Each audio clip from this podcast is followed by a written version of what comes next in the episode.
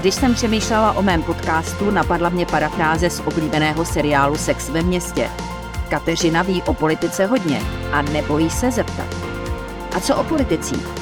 Kolik toho vím o lidech, s nimiž se potkávám v parlamentu, na vládě i v kuloárech přes 30 let a z toho 16 v denníku. Jací jsou to lidé, jaké mají motivace, ale také zlozvyky, nebo v čem tkví jejich kouzlo pro voliče. Tento jiný pohled se vám nyní pokusím nabídnout. Pětikoaliční vláda po dvou letech ve Strakově akademii nevychází z vládnutí příliš dobře. Podle posledních průzkumů jí věří zhruba 21% lidí. Proč takhle dopadá? No, protože se kozel stal zahradníkem.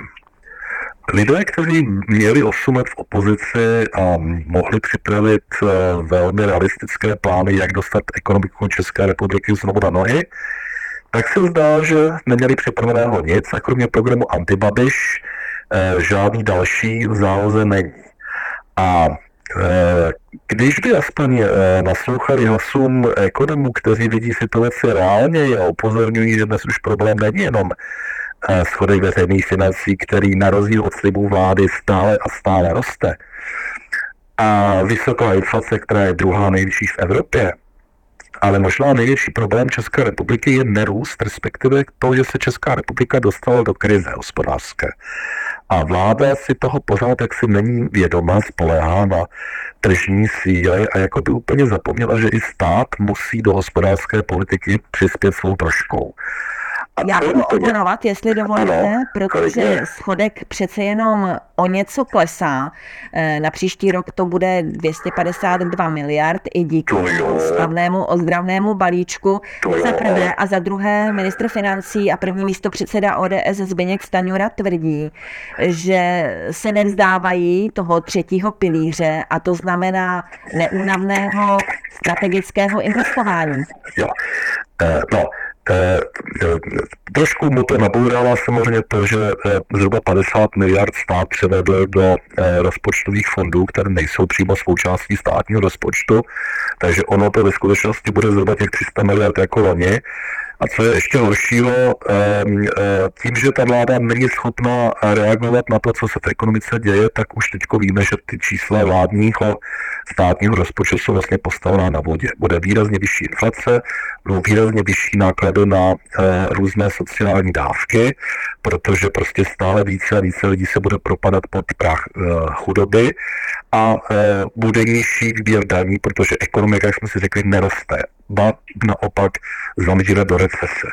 A vláda se tváří, že se nic neděje a není schopna na to adekvátně reagovat. A co je úplně nejhorší, a myslím si, že v tomhle směru má česká vláda úplný rekord, přestože ekonomové, zapomeňme na Andreje Babiše nebo SPD to mělo ale bavme se o zcela objektivních číslech, upozornění na tyto jevy, tak vláda se tváří, že její cesta je jedině správná a jedině pravá a že ku předu levá, nebo respektive dneska ku předu pravá, zpátky krok.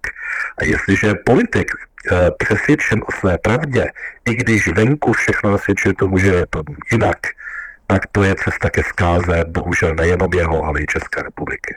Na druhou stranu řada ekonomů, kteří sedí například eh, v nervu, tak říkají, že se šetří málo, že těch škrtů mělo být daleko víc, měly být daleko razantnější, eh, ať už jde o zeštíhlování státu, anebo i další položky, k nimž se vláda ne a ne propracovat. Eh, konec konců říká to i teď jeden z největších kritiků vládní koalice Miroslav Kalousek, bývalý šéf TOP 09, čili jak jaký je váš recept na to, aby eh, vlastně Česká republika nepadala v těch všech důležitých ukazatelích dolů?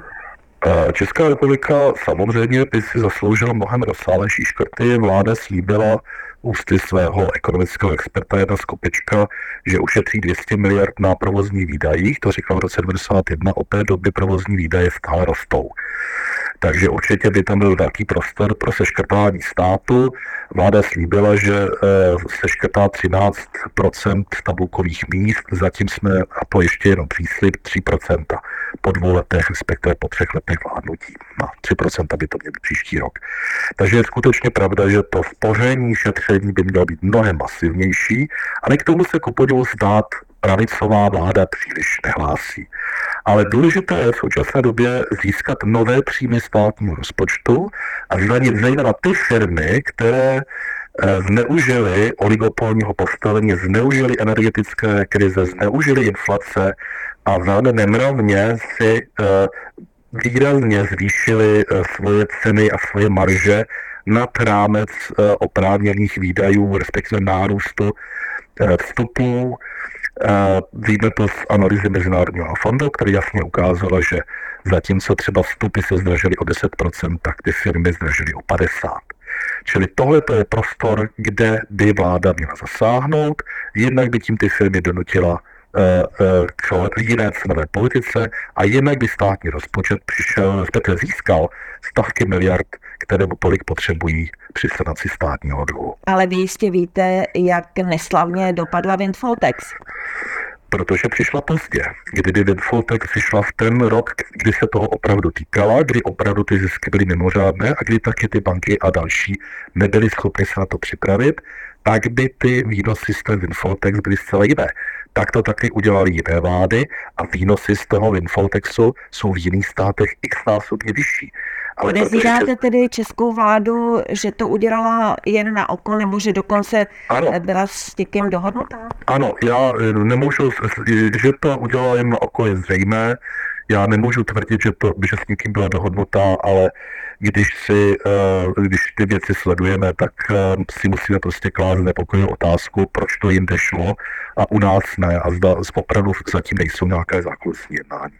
Pane docente, ta vaše analýza dvou let vládnutí pětikoaličního kabinetu je dost temná a pro Petra Fialu nepříznivá.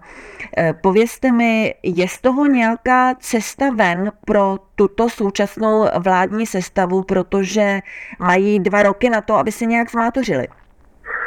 Eh, pro tuto vládní sestavu, jestliže ji vnímáme stranicky, tak existuje jediná možnost, okamžitá rezignace Petra Fialy a celé vlády a sestavení nové vlády na témž politickém půdorysu, kterou by vedl někdo, kdo je pragmatičtější, který by si více věnoval skutečně reálným problémům ekonomiky a rozuměl jim.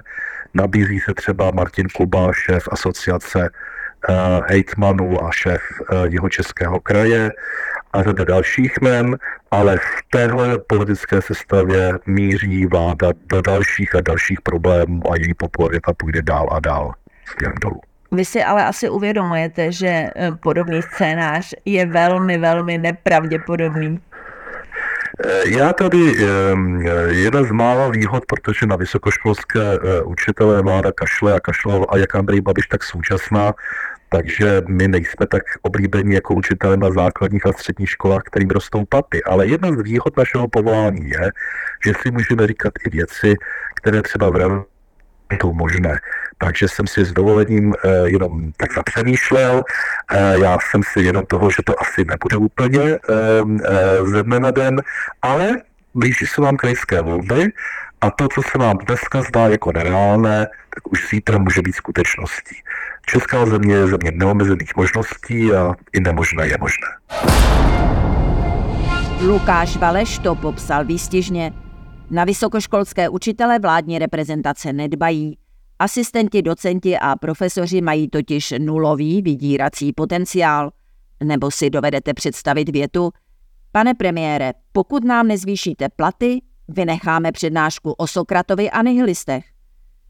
Ačkoliv pěti koaliční kabinet vede emeritní rektor Masarykovy univerzity Petr Fiala a ministrem školství je jeho nástupce Mikuláš Beck, univerzity stojí zcela stranou jejich zájmu. Docent Valeš stoicky říká, že protiváhou mizerných příjmů je pro akademiky absolutní svoboda hlásat svoje názory, včetně zžíravé kritiky politiků, ať už jsou u moci nebo v opozici – můj oblíbený respondent ovšem není z těch, kdo by kvůli hojným citacím nebo lajkům pouštěl jedovaté sliny. Je k současné garnituře tvrdý, avšak nikoliv předpojatý.